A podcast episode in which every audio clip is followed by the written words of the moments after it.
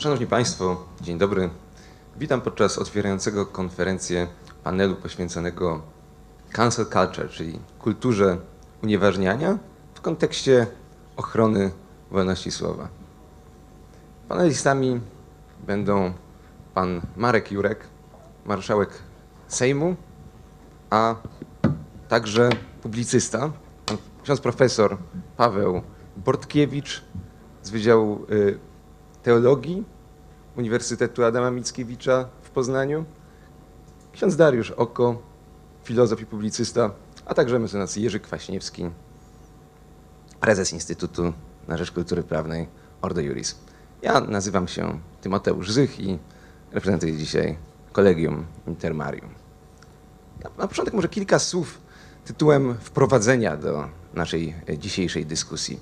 Mówiąc o cancel culture, mówiąc o kulturze unieważniania, mówimy tak naprawdę o niechęci do pojęcia prawdy. O niechęci do pojęcia prawdy, która klasycznie była rozumiana jako zgodność tezy, zgodność stwierdzenia z rzeczywistością. To klasyczne pojęcie prawdy zostało odrzucone przez współczesne ideologie. W bardzo symboliczny sposób pokazuje to znana anegdota mówiąca o Georgu y, Heglu, czyli takim, powiedzmy, pierwszym ideologu nowoczesności, który podczas wykładów na Uniwersytecie Berlińskim na początku XIX wieku opisywał założenia swojej filozofii dziejów. W czasie jednego z wykładów student Hegla wstał i zaczął rzetelnie wykazywać, że jego teorii przeczą fakty. Na to Hegel odparł: tym gorzej dla faktów. Tak jest z każdym kolejnym pomysłem ideologicznym.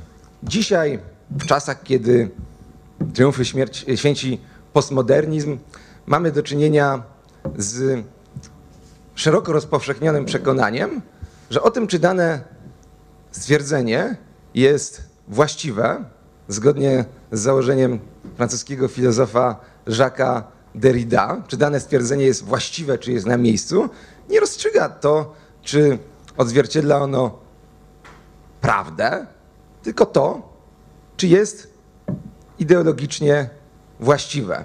Innymi słowy, o tym, czy mamy do czynienia ze stwierdzeniem akceptowalnym, decyduje władza, siła i to, kto ma aktualnie przewagę w toczącym się dyskursie. Z tego powodu pojawiają się w przestrzeni publicznej tego rodzaju aberracje, co twierdzenia, że e, w Polsce funkcjonują tak zwane strefy wolne od LGBT, do których podobno nie mają wstępu osoby o skłonnościach homoseksualnych. Takie stwierdzenia, jak chociażby e, teza, że w Polsce zakazuje się edukacji seksualnej, zakazuje się badań prenatalnych. Twierdzenia, które bardzo łatwo jest w ciągu minuty czy dwóch zweryfikować, a jednocześnie one są obecne, bo odpowiadają pewnemu dyskursowi władzy, który jest w tym przypadku całemu naszemu krajowi narzucany.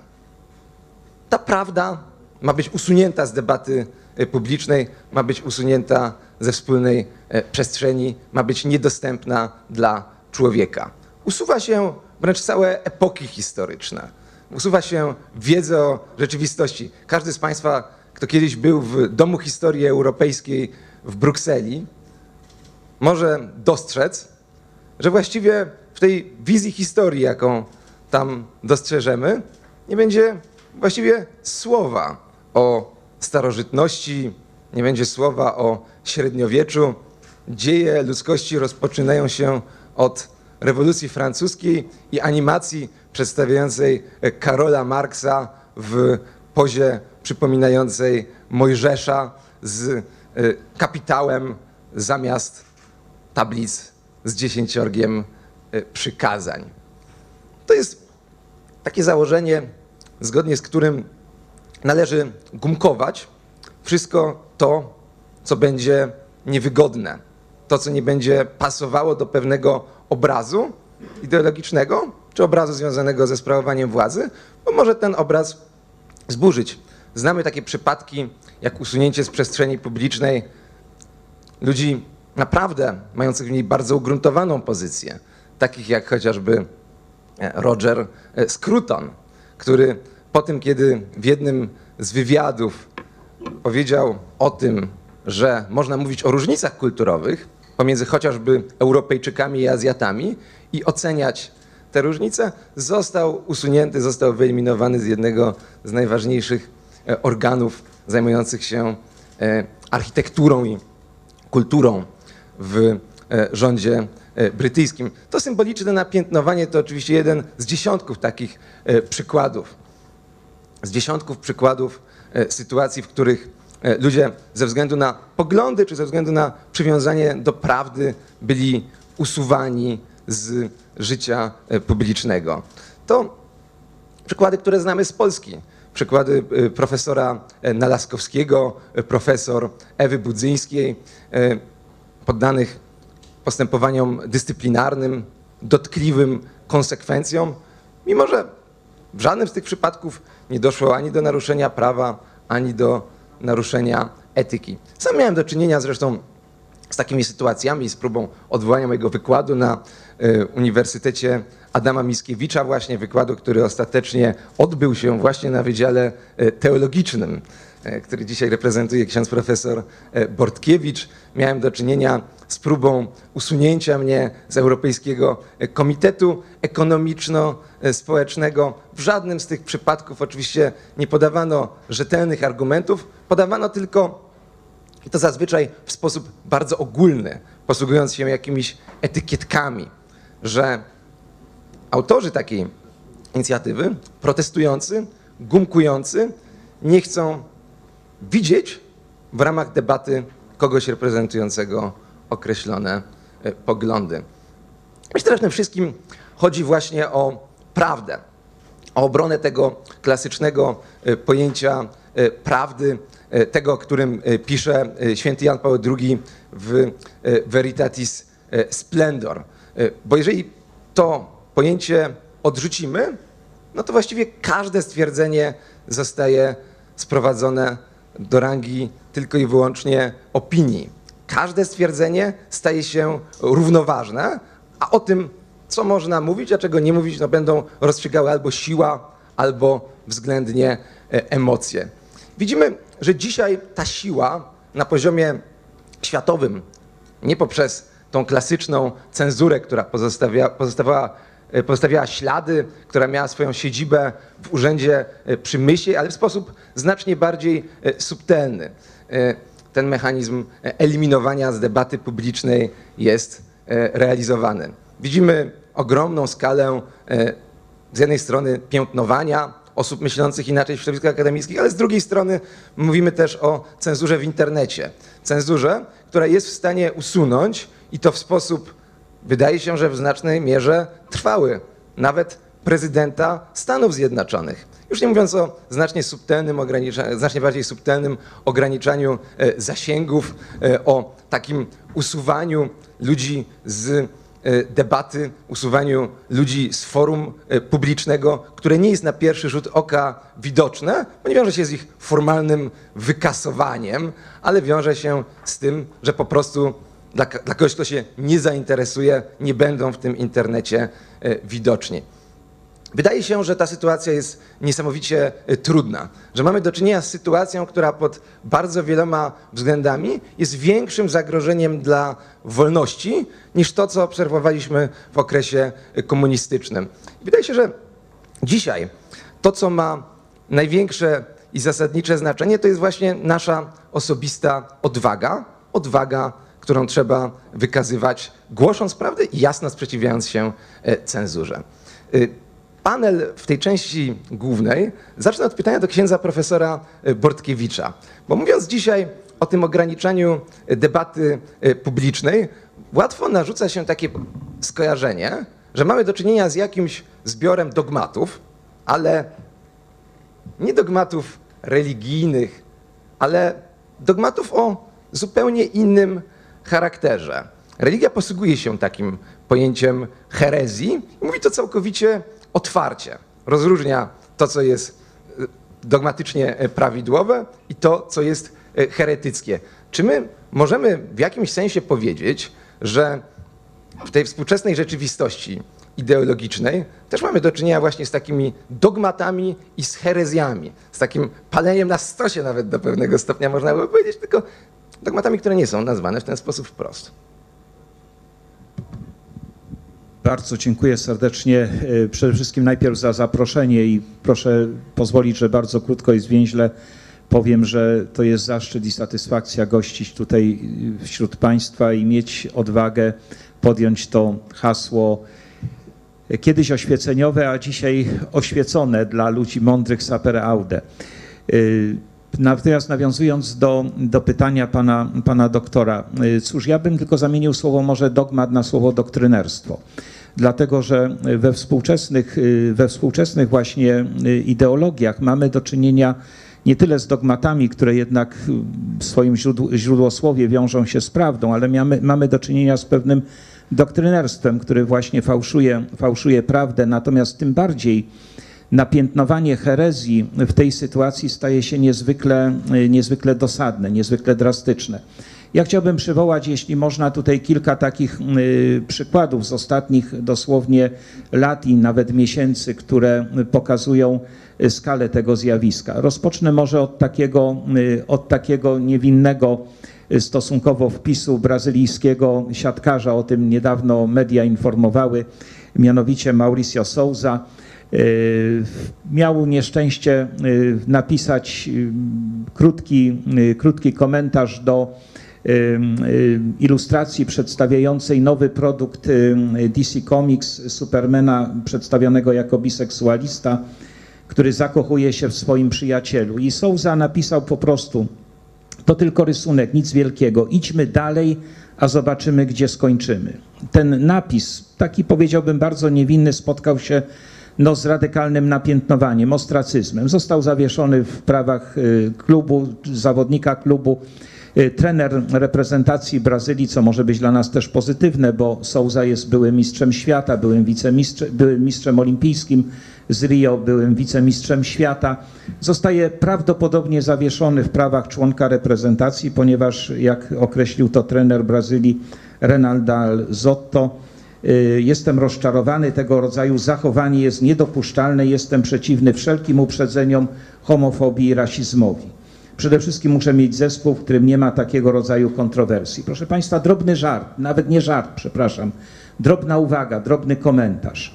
Może zostać napiętnowany. Napiętnowany może zostać żart, który y, był kiedyś autorstwa y, profesora y, Tima Huntera. Poproszę może o kolejny, kolejny slajd. W 2016 roku Y, Peter y, y, Tim Hunt, Tim Hunt, laureat Nagrody Nobla, wybitny biochemik, miał nieszczęście na lunchu w Korei Południowej powiedzieć dowcip. Być może małolotny, no ale dowcip, jak to dowcip, nie zawsze udany. Mówił o tym, że trzy rzeczy dzieją się, gdy dziewczyny są w laboratorium. Albo zakochujesz się w nich, albo one zakochują się w tobie, albo kiedy je krytykujesz, płaczą. No, proszę Państwa, dowcip został uznany za wybitnie y, mizoginistyczny, antyfeministyczny itd., tak itd. Tak Rozpoczęła się straszliwa nagonka w mediach społecznościowych za sprawą właściwie człowieka, który notabene nie jest ani naukowcem, ani nie jest, y, nie jest w ogóle jakimś też znawcą y, nauki. Niemniej jednak po prostu na Twitterze dwoje ludzi właściwie, krótko mówiąc, doprowadziło do tego, że Tim Hunt musiał zrezygnować z pracy na Uniwersytecie Londyńskim. Y, Royal y, y, Towarzystwo, Towarzystwo Królewskie też poprosiło go raczej o rezygnację z członkostwa w tym towarzystwie, a sam Hunt razem z żoną pod wpływem tego ostracyzmu wywołanego żartem, nazwijmy to antyfeministycznym, został zmuszony do podjęcia pracy w Japonii. Y, i razem z żoną musieli opuścić Wielką Brytanię. Ale proszę Państwa, y, chciałbym teraz zwrócić szczególną uwagę na trzy takie kazusy, y, związane już zupełnie też z czasami bardzo współczesnymi, zresztą wszystkie są współczesne. Mianowicie y, kolejny przykład to jest y, przykład Richarda Dawkinsa. Nie muszę przedstawiać, autor Boga Urojonego, y, człowiek, który no jest y, do cna ateistą, jest y, człowiekiem o bardzo określonym profilu światopoglądowym. Miał nieszczęście napisać y, napisać y, w twicie także, a więc znowu nie w jakiejś wielkiej rozprawie naukowej, w niewinnym twicie miał napisać, porównał mężczyzn, którzy uważają się za kobiety i kobiety, które uważają się za mężczyzn, czyli no, przedstawił tutaj o tak zwane osoby transpłciowe, porównał je do Rachel Dolezal, aktywistki na rzecz praw człowieka, która przez lata udawała osobę czarnoskórą. Pani Dolezal jest osobą białą, ale y, będąc aktywistką na rzecz Afroamerykanów czy białych inaczej, nie wiem jak to najbardziej poprawnie powiedzieć, y, sama traktowała się jako biała inaczej. Y, No i właśnie Richard Dawkins porównał te tak zwane osoby transseksualne do pani Dolezal, która udawała po prostu osobę czarnoskórą. To oczywiście wywołało także ogromną falę ostracyzmu, agresji, unieważnienia. Do tego stopnia, że Richard Dawkins stracił po 25 latach odnawiany mu corocznie tytuł humanisty roku. Przyznany był w 96 roku i po 25 latach Richard Dawkins został unieważniony jako humanista roku. Y, Uznano po prostu, że, y, że samo porównanie do sprawy Dolezal sugeruje, że tożsamość osoby czarnoskórej można przywdziewać według upodobania. To są po prostu przykłady myśl o zbrodni, które nie mogą być tolerowane we współczesnym świecie. Y, Kolejny przykład, y, także bardzo specyficzny i wyrazisty, to jest postać pani Germaine Greer, która y, y, była zaproszona z wykładem na Uniwersytet w Cardiff. Y, Pani Greer jest bardzo aktywną i bardzo wyrazistą feministką o jednoznacznych poglądach. No po prostu to jest klasyczny feminizm, ale właśnie klasyczny feminizm, który nie godzi się na to, aby kobiety udające mężczyzn mogły być uznawane za kobiety, a więc feminizm, który nie godzi się po prostu na istnienie tak zwanych znowu osób transseksualnych czy transpłciowych. I to sprawiło, że pani Greer no, spotkała się także z ogromną falą, z ogromną falą protestu. Y, Pojawiały się próby storpedowania jej wykładu, ogromne manifestacje. Na szczęście, powiedzmy dla pani Greer, nie wiem czy to słowo na szczęście jest tej trafne, ale powiedzmy w efekcie jednak udało się przezwyciężyć ten opór. Pani Greer wygłosiła swój, swój wykład. I wreszcie postać doskonale nam znana, pani J.K. y, Rowling, autorka Harry Pottera, a więc osoba także no, z pewnej bajki, nazwijmy to może w ten sposób, która także miała y, nieszczęście stwierdzić y, coś takiego. Jeśli uznamy, że płeć biologiczna nie istnieje, to nie może też istnieć pociąg do osób tej samej płci. Jeśli uznamy, że płeć biologiczna nie istnieje, to przeżyte doświadczenia kobiet z całego świata ulegną wymazaniu. Znam i kocham osoby transpłciowe, ale wymazanie konceptu płci biologicznej pozbawia wiele osób możliwości rozmawiania o swoich doświadczeniach. Mówienie prawdy nie jest nienawiścią. No proszę Państwa, znowu bardzo spolegliwy wpis pani Rowling, niemniej jednak został uznany za heretycki. Właśnie został uznany radykalnie za heretycki. Pani Rowling przestaje być w pewnych kręgach pisarką, literatką, jest pisarzyną. Jest pisarzyną, oczywiście to słowo jest zabarwione y, bardzo, konkretną, bardzo konkretnym wartościowaniem. Proszę Państwa, y, w tym kontekście właśnie chciałbym zwrócić uwagę, idąc tropem Rogera Scrutona, który pod wpływem właśnie tych dwóch kazusów, Tima Hunta i pani Germaine Greer, y, wskazał na to, że mamy do czynienia we współczesnej ideologii gender no, z klasycznym y, y, sformułowaniem doktrynerstwa i herezji. I ono jest tym bardziej, powiedziałbym tutaj wyraziste, że zatraciło się coś, o czym kiedyś mówił profesor Legutko, mianowicie rozróżnienie freedom of speech i freedom of expression. Jeżeli wolność mówienia była poddana kryterium prawdy, o tyle wolność ekspresji dzisiaj jest uwolniona od kryterium prawdy, jest związana po prostu wyłącznie z samą ekspresją. W efekcie mamy do czynienia nie tylko z płynną nowoczesnością, ale z płynną racjonalnością, która bardzo łatwo przeradza się w irracjonalność. I cały nasz świat y, do złudzenia przypomina ten obraz końcowy z imienia Róży Umberto Eco, który naznaczony jest pożarem klasztoru i biblioteki. Płonie wiara, płonie rozum, a człowiek staje się już nie wędrowcem, ale włóczęgą zmierzającym w stronę bliżej nieokreślonej rzeczywistości. Taki obraz świata przynosi nam y, między innymi ten czynnik bardzo istotny, jakim jest opresja związana y, z, y, z cancel culture, która staje się jednocześnie no, unicestwianiem samej kultury. Bardzo dziękuję. Y, Panie Marszałku, y, chciałem się zapytać o to, czy ta cancel culture, której przykładach bardzo rażących i znaczących przed chwilą mówił y, ksiądz profesor Bortkiewicz, to jest rzeczywiście zjawisko nowe? Czy to jest zjawisko, z którym mamy do czynienia dopiero w ostatnich kilku latach? Czy to jest dopiero tak naprawdę jakaś pochodna rozwoju doktryny gender, która pojawiła się w tytule dzisiejszego panelu? Czy w rzeczywistości mamy do czynienia z czymś, co trwa już znacznie dłużej i znacznie głębiej ma swoje źródła?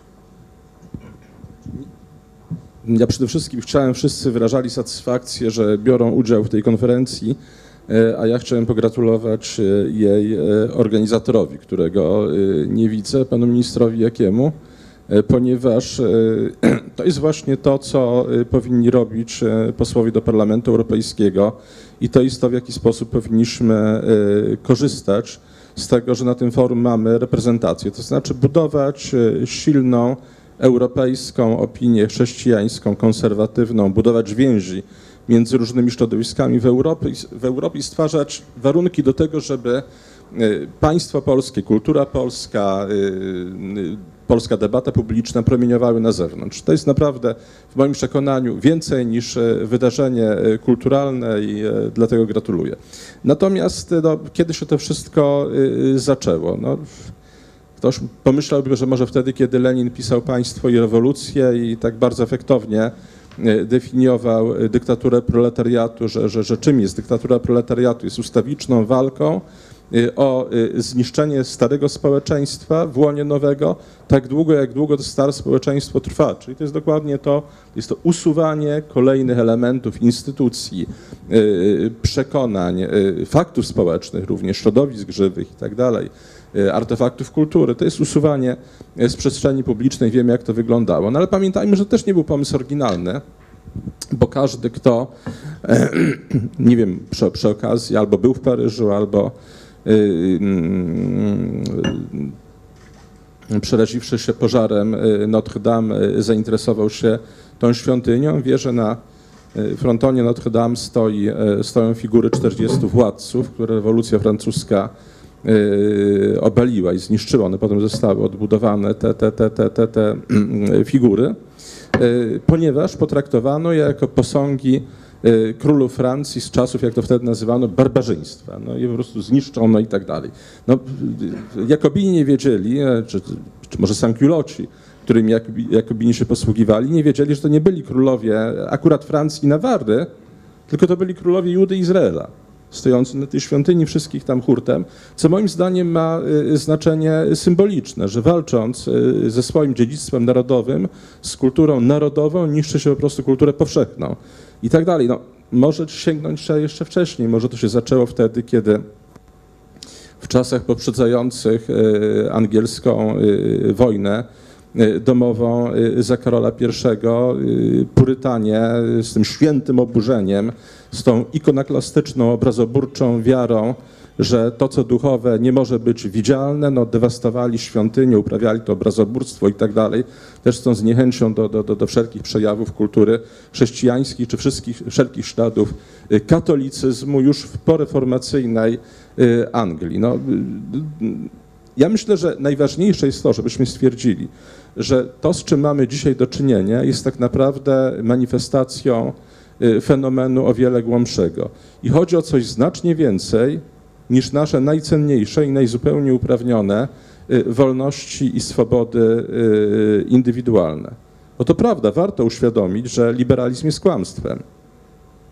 Kiedy miałem y, y, szczęście rozmawiać 15 lat temu z y, Ojcem Świętym, Benedyktem XVI, to powiedział mi, no, gdybyż ten liberalizm był liberalny, no to to bardzo ważne stwierdzić, że to jest kłamstwo, że on nie spełnia swoich obietnic, że nie przestrzega swoich zasad. Ale pamiętajmy o jednym, że celem rewolucji jest tak naprawdę y, niszczenie y, cywilizacji, y, niszczenie cywilizacji chrześcijańskiej jako tej wysublimowanej formy cywilizacji klasycznej. I to, co dzisiaj widzimy, to, to, to, to, prześladowanie ludzi myślących inaczej, to kneblowanie y, opinii, to naruszanie reguł, tak naprawdę ma y, bardzo określony y, przedmiot i kierunek. Bo to nie jest tak, że liberalizm nie uznaje wolności, on uznaje wolności relatywistyczne. Wolność kwestionowania tego, co jest ustaloną prawdą, jest wolnością istotną, ale wolność kwestionowania relatywizmu jest absolutnie niedopuszczalna, bo społeczeństwo na czymś się musi opierać, na przykład w tym wypadku na e, relatywizmie. No, wszyscy opowiadali historyjki, więc ja opowiem historyjkę ze swojego e, życia, dokładnie z poprzedniej kadencji Parlamentu Europejskiego. No, za jedną z najlepszych rzeczy, którą tam zrobiłem, uważam e, wysunięcie do, oficjalne wysunięcie do Nagrody Sacharowa, poparte, znaczy nie, nie wysunięcie, ale nominowanie. To znaczy nadanie y, y, rangi osoby oficjalnie nominowanej do Nagrody Sacharowa, y, Mary Wagner. I ja to zrobiłem ze względów, proszę Państwa, ja to zrobiłem nie ze względów jakichś e, pięknoduchowskich, tylko ze względu na odpowiedzialność polityczną dotyczącą, dotyczącą wolności, bezpieczeństwa drugiego człowieka, możliwości działania na rzecz dobra wspólnego. Krótko mówiąc, po jednym z procesów Mary Wagner jej adwokat prosił, żeby przesyłać dowody na to, że jej działania są ważne społecznie. No i do dziękować Bogu miałem takie, ta, taka myśl mi przyszła, że nie będzie lepszego dowodu jak nominowanie do Europejskiej Nagrody Praw Człowieka Mary Wagner. No i uzyskałem tę nominację. Te podpisy, które y, udało nam się zebrać, były najbardziej ekumeniczną y, kolekcją podpisów spośród wszystkich y, y, osób y, proponowanych, dlatego że inne kandydatury miały charakter z reguły partyjny, może tam z dodatkiem dwóch, trzech podpisów, a tu był rzeczywiście szeroki przegląd, chyba nawet jednego liberała udało się znaleźć, to był szeroki przegląd osób, które proponowały y, tą obrończynię życia do, y, nagrody, do, do Europejskiej Nagrody Praw Człowieka. Zrobiliśmy film, na którym Mary Wagner mówi o motywach swojej działalności, jej charakterze, całkowicie tak, takim klasycznym non-violence y, i, y, no i wyświetliliśmy ten film w czasie prezentacji. Y, Proszę Państwa, to co w Sejmie Rzeczypospolitej uchodzi za złe zachowanie i na co marszałkowie reagują w Parlamencie Europejskim uchodzi, mówię takie buczenie, jakieś tam wrzaski, agresja, w Parlamencie Europejskim uchodzi za bardzo konstruktywny wyraz oburzenia moralnego, za taką bardzo ważną y, wyraz takiej y, właśnie tej postępowej opinii społecznej y, objawiającej się w Parlamencie Europejskim i powiem więcej, i cieszy się z reguły poparciem i ochroną prowadzących obrady przed tym, żeby nie tego. Więc mówię, wtedy, kiedy Mary Wagner mówiła o tym, że kobietom chcącym nie dopuścić do urodzenia ich dziecka, no wręcza róże, tłumaczy i tak dalej, już zaczęło się buczenie i tak dalej. Po czym, proszę Państwa, po czym, y, kiedy się to wszystko skończyło, to czworo z różnych lewicowych klubów, bo tam byli komuniści e, i socjaliści, i zieloni oczywiście, y, czworo członków komisji napisało wniosek do y, Dawida McAllistera, szkockie nazwisko, ale niemiecki deputowany, były premier Nadrenii, y, y, y, Dolnej Saksonii. Były premier Dolnej Saksonii, ulubieniec swego czasu Angeli Merkel, napisali do Davida McAllistera wniosek, że trzeba zmienić regulamin Nagrody Sacharowa, żeby już więcej nie doszło do przypadku, że procedury nominowania będą wykorzystywane do y, promocji poglądów ekstremistycznych godzących prawa człowieka. I e, y, normalnie biorąc, no, gdyby ktoś powiedział coś y, skandalicznego jakiegoś, no właśnie takiego godnego wymazania, no to znowu przewodniczący by zareagował, ja pana upominam, za chwilę wykluczę pana z obrad i tak dalej. Nie, tutaj y, McAllister, mówię, chadecki, bo to jest CDU, y, były chadecki premier Dolnej Saksonii, przewodniczący y, Komisji Spraw Zagranicznych, powiedział, no tak, poważnie się nad tym pochylimy i zastanowimy. Chyba jak to chadecy, no tam chyba nic z tego nie wyszło, bo tak trochę w lewo, trochę w prawo i, i, i chyba kontynuacji to nie miało. Tym niemniej postulat, że trzeba, zresztą nie wiem, może, może pan minister sprawdzi w parlamencie, czy, czy, czy miało, czy nie miało, bo w każdym razie postulat, żeby uniemożliwić na przykład y, ludzi działających na rzecz y, prawa do życia, praw rodziny, żeby uniemożliwić y, nominowanie do do Nagrody Scharowa. Krótko mówiąc, żeby te kategorie spraw, te kategorie praw wykreślić z kategorii e, e, praw człowieka, to był bardzo konkretny postulat, do, co najmniej ze zrozumieniem i z empatią przyjęty. Ale ja znowu nie opowiadam tego wszystkiego po to, żeby y, się gorszyć, czy, czy, czy takimi wydarzeniami, wydarzeniami epatować, tylko żeby powiedzieć, proszę Państwa, że tak naprawdę chodzi o więcej niż nasze swobody osobiste. Chodzi o zniszczenie społeczeństwa, zniszczenie naszej cywilizacji, bo to, jest, to są ataki ukierunkowane i naszą odpowiedzią nie mogą być tylko y, lamenty, żale. Y, Oczywiście musi być solidarność, no bo wobec księdza profesora no wszystkich nas obowiązuje ludzka solidarność na przykład. No jeżeli człowieka prześladuje, no to wszyscy go bronimy, no na tym się społeczeństwo opiera. Natomiast my musimy mieć świadomość, że im więcej nienawiści do naszej cywilizacji, tym więcej naszej miłości. Im więcej negacji, tym więcej afirmacji. Krótko mówiąc, nasza postawa musi być postawą najzupełniej, to taki brzydki neologizm, ale lepszego w tej chwili nie znajduję, musi być najzupełniej postawą proaktywną, a nie reaktywną musimy na nowo reafirmować e, nasze zasady, a przynajmniej nadać znaczenie tym, które mamy. Bo jeżeli, proszę Państwa, my w Rzeczypospolitej bronimy e, chrześcijańskiej kultury, to bronimy wartości konstytucyjnej, wymienionej we wstępie do Konstytucji, a nie swoich przekonań tylko. Bardzo dziękuję panie marszałku.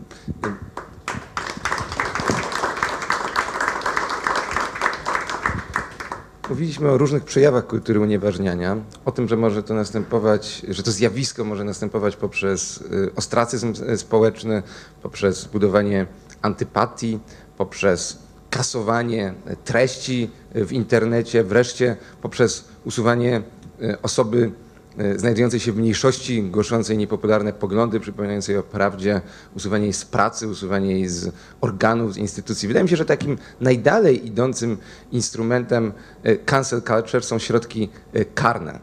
Środki karne, które w wielu krajach zachodniej Europy zostały zinstytucjonalizowane jako w postaci przestępstw mowy nienawiści. To pojęcie niesamowicie ogólne, niejasne, definiowane wyłącznie na poziomie doktryny. Pojęcie, które tak naprawdę może być interpretowane w dowolny sposób w zależności od tego, jaka jest ideologiczna potrzeba.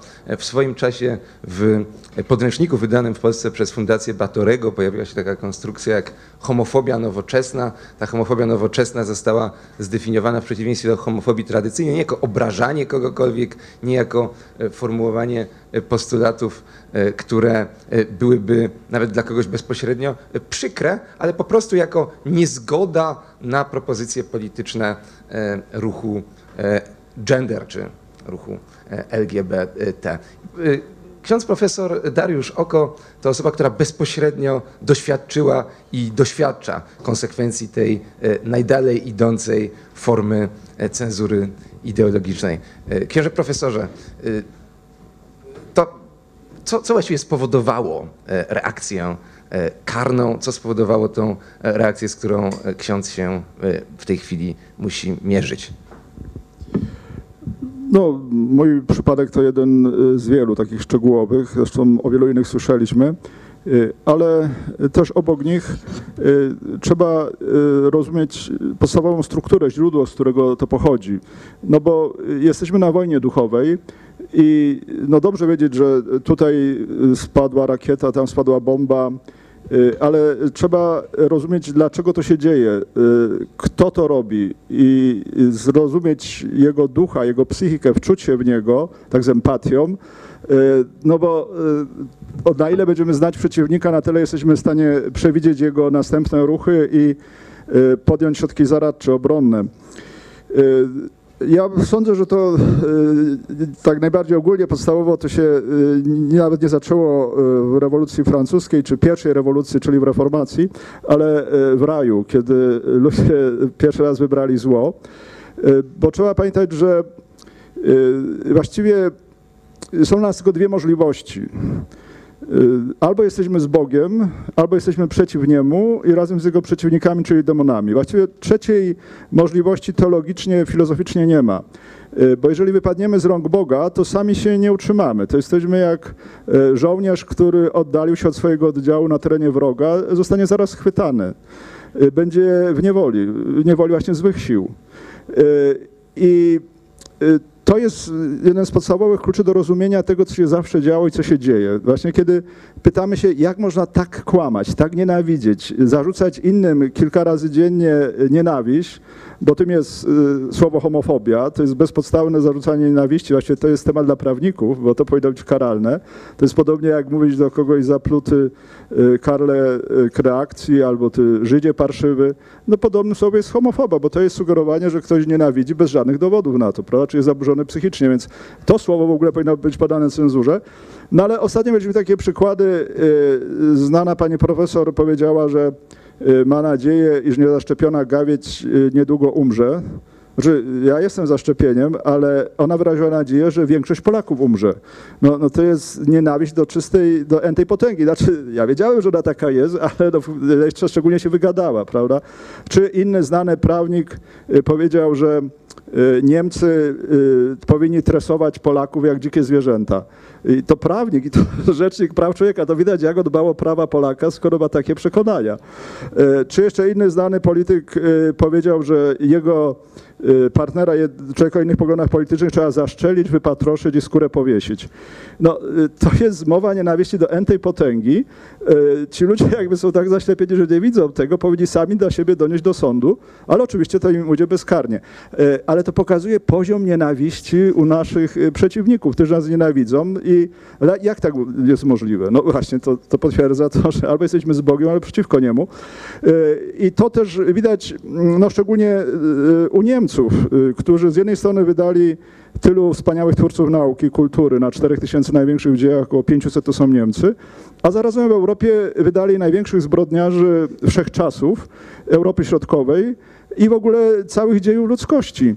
Y, No tutaj w Warszawie 250 tysięcy ludzi zamordowanych przez nich, 50 y, tysięcy na samej woli, w sumie 6 milionów w Polsce i 99% tych największych morderców wszechczasów, Europy Środkowej y, ta, szczególnie, ani jednego dnia nie spędziło w więzieniu niemieckim. Prawnicy niemieccy, sądy bardzo to zadbały, mimo że Polska apelowała, chciała wydania tych części chociażby zabójców, to było niemożliwe. E, Jak to jest możliwe, że Niemcy y, no, y, mogą wydać y, Einsteina, Husserla, Bacha, y, Keplera, a zarazem y, załogę SS-manów Auschwitz. No, y, to założenie, że albo jesteśmy z Bogiem, ale przeciwko Niemu, to dobrze tłumaczy. I z tym trzeba się liczyć. Y, Na tej wojnie, na której teraz jesteśmy, którą nam narzucają, skąd się bierze ta nienawiść, to kłamstwo? Znaczy, z jednej strony to jest podstawa do nadziei, bo widzimy ludzie, którzy muszą tak kłamać codziennie, stosować przemoc nieustannie, no na dłuższą metę muszą przegrać, bo muszą przegrać z dobrym Bogiem. Nie wiemy kiedy. A to jest podstawa do nadziei, ale też większa mobilizacja. Y, Musimy bronić się przed takimi ludźmi. Y, Nie można dopuścić na życie w takim kłamstwie, w takim bezprawiu, w takiej przemocy. I oczywiście y, nie ma co za bardzo liczyć, żeby, y, że nawrócimy tych ludzi, właśnie tych, których cytowałem też, y, bo oni raczej są nienawracalni, to prawdopodobieństwo jest bardzo małe. Wiadomo, że walczymy o świadomość społeczną, o tych, którzy nie są zdecydowani.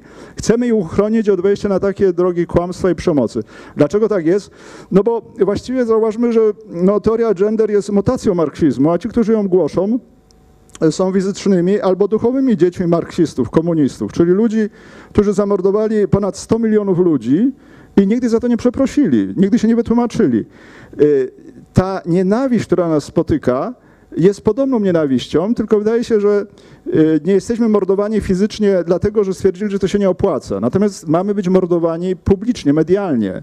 Y, Mamy przestać istnieć w sferze medialnej. Pełnia władzy ma być dla nich. I to też wynika ich z założeń ateistycznych. Oni jako ateiści uważają, że są y, najmądrzejsi, najwięksi od Pana Boga, no więc oni powinni rządzić. Y, Dlatego tacy ludzie jak my, no to są jacyś y, ludzie zacofani, nieświadomi, którzy właśnie powinni być traktowani jak dzikie zwierzęta. To jest właśnie e, no, odsłonił swoją twarz, odsłonili swoją twarz. My dla nich jesteśmy dzikimi zwierzętami, e, a, które no, no, można nawet zaszczelić, jak mówił ten inny polityk, prawda? Przynajmniej duchowo. E, To jest nienawiść pura. Oni właśnie dlatego tak mówią dużo o nienawiści, bo w nich samych jest tyle nienawiści, tak się nienawiścią kierują i nie bardzo pojmują, że można kierować się dobrem i miłością, jak to jest u chrześcijan, jak to jest w naszej wspólnocie. E, Natomiast Yy, Więc myślę, że to trzeba generalnie rozumieć. W takiej sytuacji jesteśmy. Żeby nie mieć złudzeń i oczekujmy od nich tylko tego, co najgorsze. Ludzie, którzy tak kłamią, tak manipulują, tak negują najbardziej podstawowym faktom, naprawdę przeszli na stronę zła. Są po ciemnej stronie mocy. No jak te trzy osoby, które yy, cytowałem. Yy, A co robić? Yy, No, pamiętać przede wszystkim nadzieja, że prawda i dobro wygrają najpóźniej na sądzie ostatecznym a czasami wcześniej, jak się postaramy, czy otrzymamy taki dar. E, No, ja teraz mam e, ten proces e, e, w Niemczech, ale no, podobną sytuację miałem 6 lat temu. Państwo może pamiętają, jak zostałem zaatakowany przez innego księdza homoseksualistę, księdza Haramzę, e, który 30 września 2015 roku ogłosił e, w artykule 11-stronicowym w Tygodniku Powszechnym, najdłuższym w dziejach tego pisma, papieżowie nie poświęcili tyle miejsca, no gdzie stwierdził, że takim najgorszym księdzem, e, człowiekiem Kościoła katolickiego w Polsce to jestem ja. I ten Kościół będzie dużo lepszy, jest takim wrzodem, jest takim koncentracją samego zła, czystego zła. I jakby wyciąć ten wrzód, to Kościół będzie dużo lepszy. E, No i nie trzeba było czekać do sądu ostatecznego, bo już e, po trzech dniach, jak on ukazał się w objęciach kolejnego kochanka Eduardo, no sprawa była zamknięta. Natomiast e, mam nadzieję, że ten przypadek teraz, bo z kolei inny ksiądz homoseksualista, ksiądz Rotę nie zaskarżył, zresztą jest nowość, on już zaskarżył trzeciego księdza profesora, który wystąpił w mojej obronie, także już za jeden artykuł e, ma e, trzech profesorów księży iść do więzienia, może na długie lata. Bo ksiądz homoseksualista e, o to sobie zażyczył. Czyli zauważmy, e, e, te tysiące Niemców, którzy dopuścili się największych zbrodni wszechczasów, nawet jednego dnia nie, nie spędzili w więzieniu. Natomiast no to, to o czym to świadczy? Że dalej jesteśmy traktowani jak, no właśnie, te zwierzęta, ci podludzie, prawda? No jeżeli ktoś, kto się podlizuje Niemcom, mówi o nas dzikie zwierzęta, i liczy, że to będzie dobrze przyjęte, no i dostaje nagrodę też za to, za takie zachowanie, no to musimy się liczyć, że duża część naszych sąsiadów myśli o nas jak dalej o podludziach, Untermenschen yy, i dzikie zwierzęta, z którymi można zrobić wszystko. Yy, Bo zauważmy, yy, ten ksiądz homoseksualista na jego życzenie trzech księży profesorów ma iść do więzienia. Jego prośba została spełniona natychmiast. Czyli to jakby też tak wyglądało, że ksiądz homoseksualista to tak, oni są Ibermenschen, on jest Iber Ibermensch. To odsłania naturę myślenia, z czym mamy do czynienia i przy czym musimy się bronić. Y, Ale y, tak jeszcze pokrótce, tak żeby dodać otuchy, no mam nadzieję, że to będzie taki przypadek jak z Haramzą, y, tylko jeszcze do sześcianu, bo dobro, które, tak dodania otuchy, dobro, które się dzieje, odsłania wiele rzeczy. Normalnie artykuł naukowy czyta kilkanaście osób, ten już przeczytało dziesiątki tysięcy i przynajmniej kilka spraw stanie się znanych. Po pierwsze, widzimy czym jest gender, widzimy tą straszną, pełną nienawiści, zakłamania twarz gender. Po drugie, twarz homoseksualizmu w kościele, akurat to jest jakby kolejny dowód dla mojej książki. Ja mówię, jak lawenda niszczy kościół, a oto arcylawendowy ksiądz homoseksualny wsadza do więzienia trzech księży profesorów, czyli no widać to, co pisze, że dla nich ich środowisko lawendowe jest ważniejsze niż kościół. Jak oni niszczą kościół, akurat potwierdza tezy mojej książki, artykułu. Po trzecie, pokazuje, co się dzieje w kościele w Niemczech. Może nas tym bardziej bronić przed tą degeneracją, która jest w Niemczech, bo to jest właściwie to, co się dzieje w Niemczech, to jest no, już kolejne i końcowe zniszczenie chrześcijaństwa. Pierwsze uderzenie zadał Luter, teraz zadają cios ostateczny tak jak ksiądz Rod, bo ksiądz Rod jest twarzą Kościoła. Tekst do wywiadu, którą zapowiada podanie nas do sądu, jest na stronie episkopatu Niemiec. Więc łatwiej nam się przed tym bronić. Jeszcze właśnie już kończąc, ale akurat przygotowuję taki y, na sympozjum kolejny referat o kościele w Niemczech i z radością odkryłem, bo jestem już w połowie książki księdza kardynała Millera, Prawda. Właśnie tytuł. Zachęcam wszystkich. Prawda kardynała Millera y, to jest, na myślę, najlepsza pozycja o prawdzie obecnie. I taka orientacja w kościele, w tym chaosie, który jest w kościele. Kardynał Miller z Benedyktem XVI właściwie są jedno w poglądach. Y, y, Więc y, radzę ich czytać, no bo ich nie można zanegować. Benedykt XVI był największym intelektualistą, y, profesorem na tronie papieskim. Nie wypada mu teraz mówić, ale mówi za niego Miller. Więc czytajmy Millera i trzymajmy się Millera na temat prawdy. Tam znajdziemy prawdziwy y, ocean. Czyli jeszcze może tak do już- Pojęcia, czyli wracamy do pojęcia Tylko prawdy, jeszcze które... ostatnie, jaki jest pożytek, znaczy odsłania się twarz o Niemczech, no, bo to jest szczególnie ważne. Wiadomo, że no niestety Niemcy znowu wygląda na to, wiele wskazuje, że budują imperium, że chcą nam sobie podporządkować politycznie, gospodarczo, no przy pomocy takich Polaków, którzy uważają nas za dzikie zwierzęta, które trzeba tresować. Ale oni też chcą nas podporządkować duchowo, bo tą degenerację kościoła w Niemczech oni chcą narzucić całemu kościołowi. To jest też imperializm duchowy, a Polska ma szczególne szanse przed tym się bronić. Tak już kończąc, myślę, że Panu chyba szczególnie Polskę umieścił y, między Niemcami i Rosją, żeby nie zaszli za daleko w złu, w niszczeniu y, wspólnoty, bo to jest niszczenie, robienie imperium z Europy, to jest niszczenie wspólnoty narodów. To jest niszczenie Kościoła. Znowu zło wychodzi z Niemiec. Rewolucja, pierwsza wojna, druga wojna i teraz znowu wojna o gender. Ta szczególna misja Polski to jest na pewno właśnie obrona prawdy. Do tej prawdy znowu wracamy. Wydaje mi się, że tym, co łączy wszystkie nurty cancel culture, wszystkie nurty ideologiczne, które y, uderzają w wolność, jest także negacja pojęcia prawdy właśnie. Ale co jeszcze je łączy? To pytanie do mecenasa Jerzego Kwaśniewskiego. Bardzo dziękuję. E, Dziękuję bardzo organizatorom za, e, za ten panel i za tą dyskusję. E, Za głos pana profesora Legutko, który początkowo wprowadzał nas w tematykę cancel culture, ale analizując te słowa pana, profesora e, Legutko, księży profesorów, pana marszałka, e, doktora Zycha, widzimy wyraźnie, jak bardzo płynnym pojęciem jest cancel culture. My pod tym pojęciem cancel culture jest, jesteśmy w stanie odnaleźć bardzo wiele szkodliwych procesów kulturowych, prawnych, społecznych. I tak krótko podsumowując, widzimy często też ten cancel culture przedstawiany oczywiście pozytywnie przez e, czempionów wykluczenia, przez tych czempionów unieważnienia, którzy porównują cancel culture chociażby do bojkotu konsumenckiego czyli do takiego e, prawego sprzeciwu konsumentów słabszej strony przeciwko jakiemuś wielkiemu kapitałowi. No ale jednak cancel culture ma poczucie siły. Cancel culture skutecznie unieważnia, skutecznie strąca e, potężne figury, a zatem to nie do końca tak. Cancel culture to jest sojusz z wielkim kapitałem. I tak samo przedstawia się cancel culture jako reakcję bezsilnych mniejszości etnicznych, rasowych, seksualnych e, przeciwko potężnym tego świata. No też nie do końca. Widzimy wyraźnie, że cancel culture to jest przede wszystkim sojusz ekstremistów, aktywistów. To jest sojusz nihilistów, e, sojusz e, ludzi gotowych do aktów przemocy, e, sojusz zawiązany z nowymi potężnymi tego świata, to o czym pan marszałek mówił, cytując Lenina, z nowymi potęgami tego świata, które zmierzają do anulowania starego ładu i starego porządku i jego symboli. E, To nie jest też nic nowego, o tym sojuszu z wielkim kapitałem w tym dosłownie roku e, pisał Steven Sekop w Dictatorship of Woke Ca- Capital z takim charakterystycznym podtytułem Jak polityczna poprawność pochwyciła wielki biznes.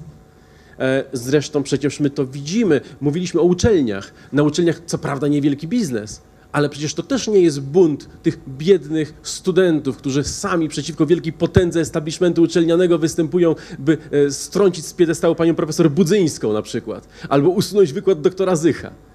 Albo usunąć chociażby Rebekę Kisling, która przybywa ze Stanów Zjednoczonych, gdzie wykładała na największych uczelniach, a jest usuwana z polskich uczelni i nie może jako adwokat amerykański powiedzieć paru słów na temat obrony życia w kontekście praw człowieka, bo protestują koła neomarksistowskie na Uniwersytecie Jagiellońskim i innych uczelniach.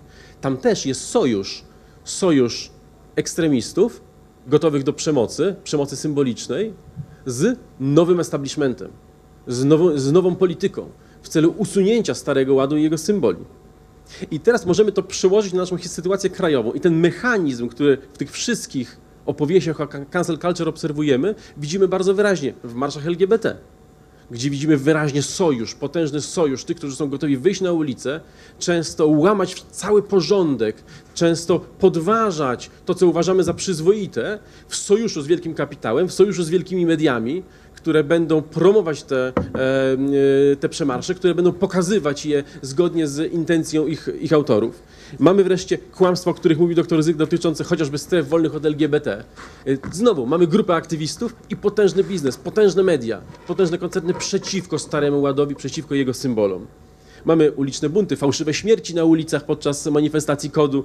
Mamy upadek praworządności w Polsce, gdzie też mamy tych czempionów rewolty, czempionów przemiany, którzy z e, nowym, e, nowym establishmentem próbują, próbują obalić stary ład. No i na uczelniach, tak jak mówiłem, przykładów jest aż nadto. pani profesor Budzyńska, profesor Nalaskowski, Rebeka Kisling, e, konferencja, nawet konferencje, chociaż Uniwersytet Medyczny w Warszawie, Uniwersytet Jagielloński, nawet Tomasz Terlikowski, któremu odmawia się zatrudnienia e, po tweetach lewicowych publicystów e, w charakterze wykładowcy bioetyki, chociaż doktorat przecież pisał w tym obszarze. Więc mamy stary, dobry mechanizm. Aktywiści i siły Nowego Ładu kontra dawny ład i jego symbole. To samo odnajdujemy w sprawie księdza profesora Oko. Mamy przecież czempiona Nowego Ładu, księdza e, Rotę, który błogosławi pary jednopłciowe, który sprzeciwia się doktrynie Kościoła, ale ma potężnych sojuszników. To znowu nie jest człowiek, który jest samotny przeciwko wielkiej machinie. No, że tu jeszcze dobrze warto dodać, związki z kapitałem, że dotąd Niemczech był najbardziej znany z propagowania picia whisky, szkockiej wódki. I ma takie zdjęcia bluźniercze, tyłem obrócony do tabernakulum i z kieliszkiem whisky jakby adaturujący no, whisky, więc to też jest bardzo znaczące dla, o jego osobowości. I widzi- wi- widzimy zatem księdza, księdza Rotę, który w sojuszu z możnymi niemieckiego kościoła, e, w sojuszu z kapitałem, e, przeciwstawia się temu, co jest, e, temu, co jest dawnym ładem jego, je, jego symbolom. Mamy zatem taki topos rewolucyjny, klasyczny, o którym mówił też e, pan marszałek, cytując e, Lenina, gdzie była mowa o tej ustawicznej walce o usunięcie starego społeczeństwa. Mamy ten symbol z imienia Róży Umberto Eco, które, e, który przywoływaliśmy, ten symbol płonącej biblioteki, tego upadającego starego ładu w morzu, w morzu, w morzu przemocy.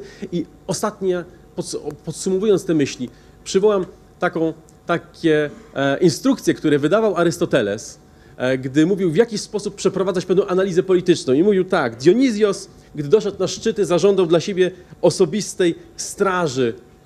I to dzisiaj jest dowodem na to, że będzie dążył do tyranii, bo wcześniej, gdy Pizystra, gdy, gdy Tegenes czynili to samo, dążyli do tyranii. A więc analizując te wszystkie schematy, widząc, że począwszy od tych dawnych rewolucji, o których mówiliśmy, e, widzimy ten sam schemat sojuszu e, ryzykantów, sankiulotów dzisiejszych, sojuszu ludzi, którzy są gotowi wyjść na ulicę, obalać pomniki, obalać dawnych królów, e, z potężnymi nowego świata, którzy są bezpośrednio e, beneficjentami przemian. E, Stoimy na skraju przepaści, gdzie Stary Ład za chwilę może lec pod ciosami tej rewolucji, która nie jest rewolucją wyizolowanych aktywistów BLM, wyizolowanych aktywistów neomarksistowskich kół na uczelniach, tylko potężnym sojuszem, który stoi naprzeciwko ładu. E, I tutaj ta jedna odezwa. Jest szansa, żeby się temu przeciwstawić. Właśnie ta proaktywna działalność, ta konferencja, która się dzisiaj dzieje. To znaczy zmobilizowanie się do obrony, bo świadomość jest przeciwko cancel culture, która niszczy świadomość. Świadomość swojej tożsamości jest jedynym ratunkiem. Niestety nie mamy czasu. Bardzo dziękuję za tę wypowiedź. Bardzo dziękuję y, wszystkim y, panelistom za tak wszechstronne podejście do tematu, które i pokazywało perspektywę głęboko intelektualną i konkretne przykłady i nawet osobiste doświadczenia. Serdeczne podziękowania.